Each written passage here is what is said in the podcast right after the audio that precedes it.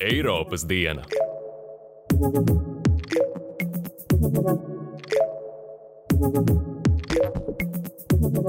Sveicināti Eiropas dienā! Es esmu Monika Cālīte. 15. septembrī Eiropas komisijas priekšsēdētāja Urzula Fonderleina uzstājās ar ikgadējo uzrunu par stāvokli Eiropas Savienībā. Līdzās vairākiem Eiropai būtiskiem tematiem izcēlās divi, kurus padziļināti aplūkošu šajā podkāstu epizodē. Jauniešiem Eiropas Savienībā būs pieejama jauna programma - ALMA. Tā būs līdzīga jau zināmajai Erasmus programmai, taču studējošo vietā galvenais fokus būs uz jauniešiem, kuri nemācās un nestrādā. Par to, kā šāda programma vērtējama, runāja ar Eiropas parlamenta deputāti Daci Melbārdi. Pozitīvi, ka šī programma uzrunā eh, nu, jaunieši, ko mēs saucam par sociāli neaizsargātiem. Tad, nu, burtiski citējot uh, Eiropas komisijas prezidentu Fodera Lējenu, uh, ka mēģinās sasniegt jauniešus, kuri kaut kādā veidā ir izkrituši no sistēmas, kuriem nav darba ilgstoši, kuri nekur nemācās.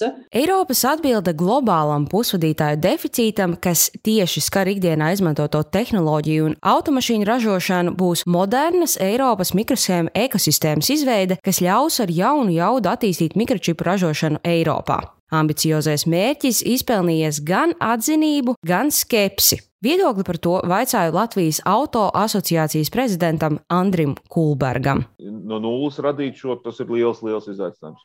Stratēģiski pareizi, realizēt dzīvē, nu, ir vajadzīga ļoti nopietna aizmugure, tad vēsture arī no ražošanas viedokļa. Um, jā, labs, labs izaicinājums, bet uh, do, domāju, ka nav neiespējams pareizi, bet nu, pūles ir vajadzīgs liels. Pirms iedziļināšanās šajās tēmās aplūkosim dažas no šī brīža Eiropas aktualitātēm.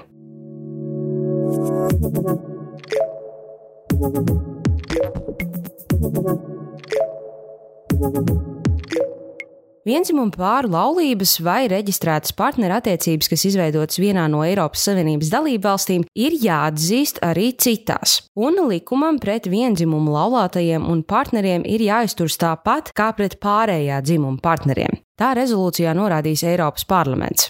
Tāpat rezolūcijā uzsvērts, ka jālikvidē pamatiesību īstenošanas šķēršļi, ar kuriem saskars homoseksuāļu un citu seksuālo minoritāšu kopienai piedarošie iedzīvotāji. Rezolūcijā arī mudināts visās Eiropas Savienības dalību valstīs par bērna likumīgajiem vecākiem atzīt dzimšanas apliecībā minētos pieaugušos. Eiropas parlamenta deputāti vēlas, lai varavīksnes ģimenēm jeb vienzimumu ģimenēm ar bērniem saskaņā ar Eiropas Savienības tiesību aktiem būtu tādas pašas tiesības uz ģimenes atkal apvienošanos, kādas ir pretējā dzimuma pāriem un viņu ģimenēm. Deputāti arī uzsvēra, ka tas nepieciešams, lai nodrošinātu, ka bērni pārceļoties uz citu dalību valsti nekļūst par bezvalstniekiem.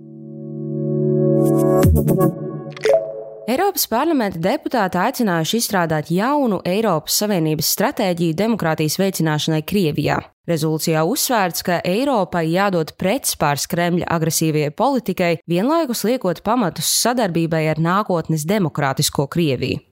Deputāti uzsvēruši, ka Krievijai var būt demokrātiska nākotne. Tādēļ Eiropas Savienības padomēji ir jāpieņem Eiropas Savienības stratēģija šim scenārijam, ietverot stimulus un nosacījumus, lai stiprinātu Krievijas iekšējās tendences virzībā uz demokrātiju. Eiropas parlamenta deputāti no grupas Eiropas atjaunotne izvirzījuši ieslodzīto Kremļa kritiķi Alekseju Navaļņiju akadēmiķi Andreja Sahārovu vārdā nosauktajai cilvēktiesību balvai. Grupas pārstāvi norādījuši, ka Navaļņīs būtu pelnījis saņemt balvu, jo cīnās par to, par ko iestājas Eiropas Savienība - demokrātiju un likuma varu, patiesību un brīvību. Grupas deputāts un bijušais Beļģijas premjerministrs Gijs Ferhofstads izteicies, šīs ir lietas, kuras mēs pārāk bieži uztveram kā pašsaprotams, taču viņa paša valstī, Putina Krievijā, šī cīņa viņam gandrīz prasīja dzīvību. Pagājušā gada Saharova cilvēktiesību balva tika piešķirta Baltkrievijas opozīcijas kustībai.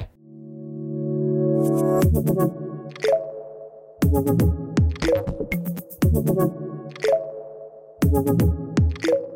Jauniešiem Eiropas Savienībā būs pieejama jauna programma - ALMA. Tā būs līdzīga jau zināmajai Erasmus programmai, taču studējošo vietā galvenais fokus būs uz jauniešiem, kuri nemācās un nestrādā. Par šādu iniciatīvu savā ikgadējā uzrunā par stāvokli Eiropas Savienībā pavēstīja Eiropas komisijas priekšsēdētāja Urzula Fonderlejena. Eiropai ir vajadzīga visa tās jaunatne. Mums jāuzmundrina tie, kurus sistēma nepamana, tie, kuriem nav darba, tie, kuri nekur nemācās. Viņiem mēs piedāvāsim jaunu programmu Alma. Alma šiem jauniešiem sniegs iespēju iegūt pagaidu darba pieredzi citā dalību valstī, jo arī viņi ir pelnījuši tādu pašu iespēju kā Erasmus. Tā ļaus viņiem apgūt prasmes, izveidot saikni un apzināties savu Eiropas identitāti. Savā runā Fonderleina uzsvēra, ka Eiropas Savienības pilsoņi visi ir izmantojuši Eiropas sociālās tirgus ekonomikas priekšrocības, un jāgādā par to, lai uz šiem pamatiem savu nākotni varētu veidot arī nākamā paudze. Eiropas komisijas priekšsēdētāji arī pavēstīja, ka nākamais gads būs Eiropas jaunatnes gads, veltīts jauniešiem, kuri no daudz kā atteikušies citu labā. Fonderleina uzteica jauno paudzi, norādot, ka tā ir augsti izglītota, izteikti talantīga un ārkārtīgi motivēta, taču pandēmijas dēļ tai arī no daudz kā nācies atteikties. Būt jaunam parasti nozīmē sev atklāt pasauli, piedzīvot ko jaunu, iegūt draugus visam mūžam, atrast pašam savu ceļu, un ko mēs prasījām no mūsdienu jauniešiem - ievērot distanci, sēdēt mājās un mācīties attālināti ilgāk nekā gadu. Tāpēc viss, ko grasāmies darīt no zaļā kursa līdz Next Generation EU, būs veltīts tam, lai aizsargātu viņu nākotni. Eiropas parlamenta deputāte Kultūras un izglītības komitejas vicepriekšsēdētāja Dace Melbārde atzīst, ka tāpat kā citi deputāti par jauno programmu pirmo reizi uzzināja Fonderlejenas runā. Tas, kā es saprotu, šī programma būs jauniešu mobilitātes programma līdzīga Erasmus. Bet, ja Erasmus eh, jaunieši dodas eh, uz kādu izglītības iestādi vai izglītības projektu eh, vai apmaiņas projektu, kas saistīts ar izglītību, tad ALMA projekts būs iespēja jauniešiem doties uz citu valsti darbā, lai iegūtu tur attiecīgajā izvēlētajā darbvietā prasmes. Vienlaicīgi droši vien mācītos arī valodu, iepazītos ar tās valsts cilvēkiem un kultūru, Eh, vairāk saprastu eh, arī sevi, jo tajā brīdī, kad jaunietis nokļūst citā kultūra vidē, eh, viņš vairāk saprot pats sevi, savu identitāti. Un, protams, tā ir iespēja arī nu, ieraudzīt kultūras daudzveidību Eiropā un, un, un piedzīvot daļu no Eiropas identitātes. Melvārda uzsver, ka jauniešu bezdarba problēma Eiropas Savienībā jo īpaši aktuāla bija 2013. gadā, kad vairāk nekā 24% jauniešu bija bez darba. Kopš tā brīža daudz ieguldīts un jauniešu bezdarbs samazinājies par aptuveni 10%. Tomēr Melvārdas ieskatā darbs ir jāturpina, un programma Alma varētu būt labs turpinājums tam. Ņemot vērā, ka programma būs fokusēta uz sociāli neaizsargāto jauniešu daļu, Melbārda pauž, ka galvenais izaicinājums būtu, kā šos jauniešus atrast, sasniegt un ļaut viņiem noticēt, ka šī programma tiešām palīdzēs. Pozitīvi, ka šī programma uzrunā e, jauniešus, ko mēs saucam par sociāli neaizsargātiem. Nu, burtiski citējot uh, Eiropas komisijas prezidentu Fodera Lējenu, ka mēģinās sasniegt jauniešus, kuri kaut kādā veidā ir izkrituši no sistēmas, kuriem nav darba ilgstoši, kuri nekur nemācās tad es domāju, ka tas lielākais būs kā sasniegt šos jauniešus, kā viņus atrast un kā viņiem ļaut noticēt, ka tā programma patiešām viņiem palīdzēs. Domāju, ka tā būs tā, tā, tā, tā, tas, tas lielākais izaicinājums, kas būs, protams, jārisina mums katram savas dalību valsts ietveros. Vaicāta, vai priekšnosacījums dalībai šajā programmā būs konkrētas valodu zināšanas, Melvārda atbild, ka pagaidām tas vēl nav zināms. Tomēr programma būtu jāskatās kopā ar iespējām pilnveidot valodu apguvi, un to nezināšana noteikti nedrīkst būt faktors, kas liektu jauniešiem pievienoties. Vēl viens aktuāls jautājums ir, cik programma izmaksās un no kurienes tiks ņemti budžeta līdzekļi. Viena no lietām, protams, par ko uh, uh, uztraucās uh, deputāti, ir kāds ir šīs jaunās programmas budžets. Jo tas, ko deputāti parasti negrib pieļaut, ka jaunas iniciatīvas ienāk pārdalot esošo budžetu. Un, nu, šeit vienmēr tā mūsu pozīcija bija stingra, ka, ja komisija nāk ar jaunām iniciatīvām, tad tai ir ļoti skaidri jāpasaka, nu, kurš šīm iniciatīvām rodas finansējums. Bet nu, es pieļauju, ka šī, šī iniciatīva varētu būt, ka tiks finansēta no. no nu, no, kāda, nu, so, nu, no kāda sociālā fonda nodarbinātības programmām vai Next Generation programmas, kas ir vērsta uz uh, Eiropas ekonomikas atveseļošanu pēc uh, Covid pandēmijas krīzes. Uh, bet nu, nav skaidrs, jā, uh, nu, kas ir finanšu avoti precīzi. Plašāk zināms par programmu Alma visticamāk būs septembra nogalē, kad norisināsies nākamā kultūras un izglītības komitejas sēde.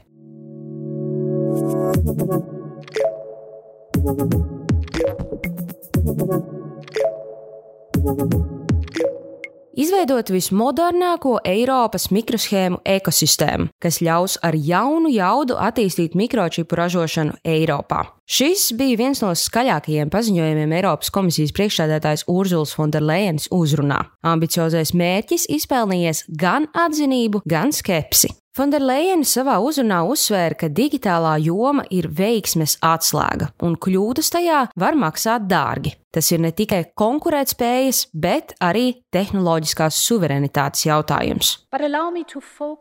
Pusvadītāji, šīs niecīgās mikroshēmas, uz kuru pamata darbojas it viss, sākot no viedtāluņiem un elektriskajiem skrejriteņiem un beidzot ar vilcieniem un veselām viedajām ražotnēm. Bez mikroshēmām digitālā joma nevarētu pastāvēt. Kamēr mēs šeit runājam, daudzas ražošanas līnijas, neraugoties uz augošo pieprasījumu, jau ir samazinājušas jaudu pusvadītāju deficīta dēļ. Taču globālajiem pieprasījumam sasniedzot nepieredzētus augstumus, Eiropas daļa visā vērtības ķēdē no dizaina izstrādes līdz ražošanas jaudai ir sarukusi. Mēs esam atkarīgi no modernāko mikroshēmu ražotājiem Āzijā. Līdz ar to jautājums ir ne tikai par mūsu konkurētspēju, tas ir arī tehnoloģiskās suverenitātes jautājums. Tāpēc mēs pievērsīsim tam visu mūsu uzmanību.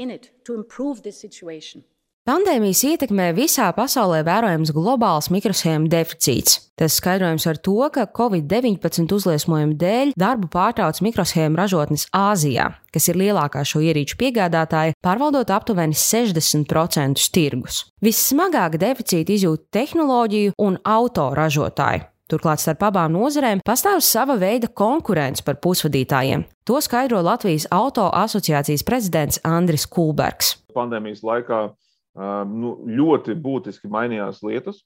Pirmkārt, nekad nebija pieredzēts, ka tik globāls ir kritums vienlaicīgi pieprasījumā visur, jo parasti tas ir reģionāli, tur vienā ātrāk, vienā vēlāk, un iepriekšējā finanšu krīze tāda galīgi nebija.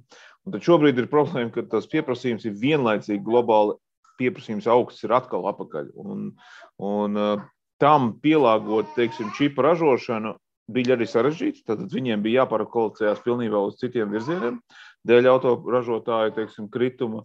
Un tagad autoražotāji pēkšņi prasa, nu, kur tad ir mūsu čipi, un uh, šis piegādātājs nav spējīgs. Un, un, un loģiski, jo uh, kas notika paralēli šim pieprasījuma kāpumam un, un kritumam, notika tas, ka pandēmijas laikā nenormāli kāpa elektropreču uh, tirniecība, digitālās ierīces, tātad smartphone, laptopi, planšetes. Uh, televizoru, viss tas gāja uz, uz, uz tik lielu pieprasījumu, dēļ tā, ka cilvēki bija iesprūduši mājās, vajadzēja nodrošināt darbu no mājām. Lai problēmu steidzami risinātu un mazinātu Eiropas atkarību no pusvadītāja monopola Āzijā, Eiropas komisijas priekšsēdētāji pavēstīja, ka plānots nākt klajā ar Eiropas mikroshēmu aktu, kas paredz izveidot vismodernāko Eiropas mikroshēmu ekosistēmu, ieskaitot ražošanu.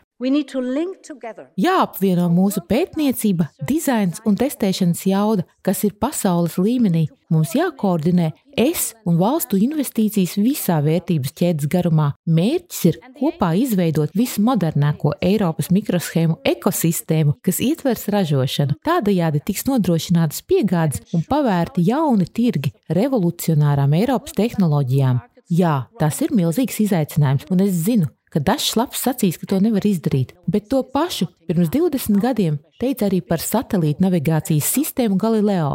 Paskatieties, kur atrodamies tagad. Pa visiem kopā mums tas ir izdevies. Šodien Eiropas satelīti nodrošina navigācijas sistēmu vairāk nekā diviem miljardiem viedu tālruņu lietotāju visā pasaulē. Mēs esam pasaules līderi, tāpēc uzdrīkstēsimies atkal, šoreiz pusvadītāju jomā.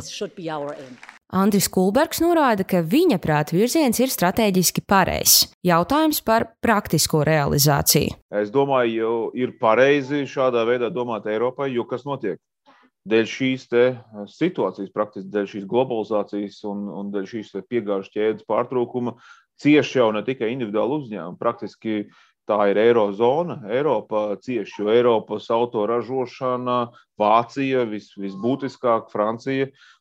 Tas ir viens no svarīgākajiem industrijas avotiem, kur, kur nāk liels eksporta tirgus un ieņēmumi. Tāpēc Um, pilnīgi loģiski, ka um, tas tiek spriests Eiropas līmenī. Bet tas ir pareizi. Es to atbalstītu noteikti. Jo Eiropa nedrīkst būt uh, nu, praktiski tu visu ekonomiku noliec uz ceļiem.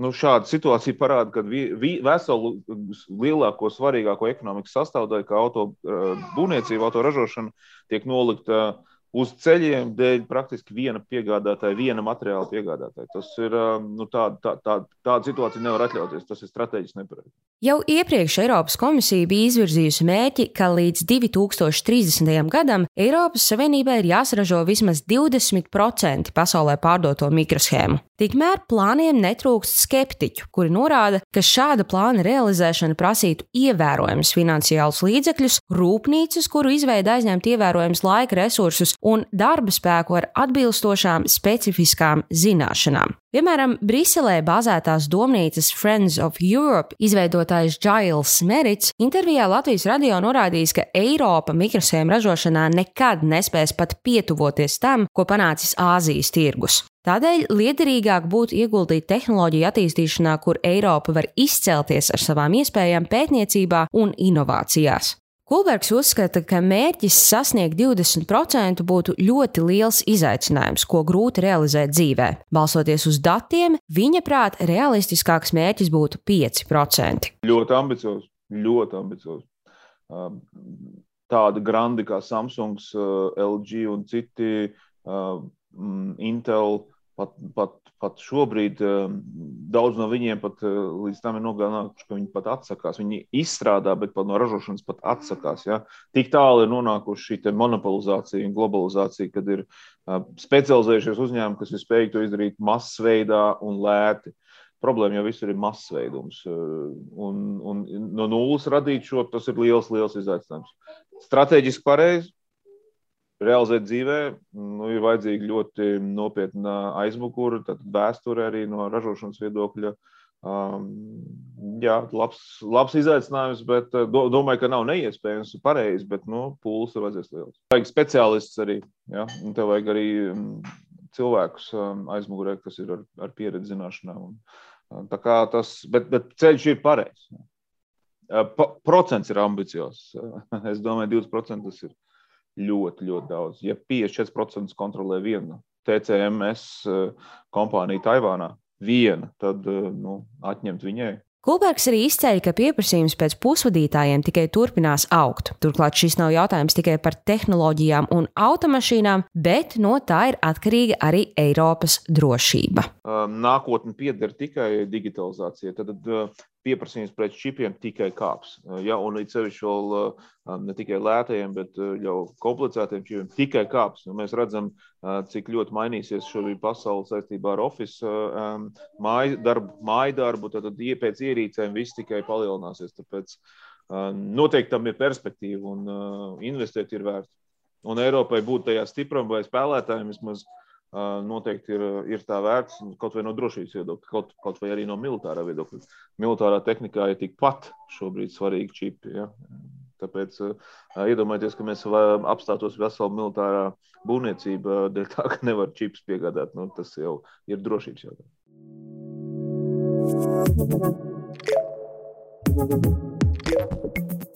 Raidījuma izveidi finansiāli atbalsta Eiropas parlaments. Par raidījumu saturu atbildīgi tikai tā autori, un Eiropas parlaments nav iesaistīts tā sagatavošanā.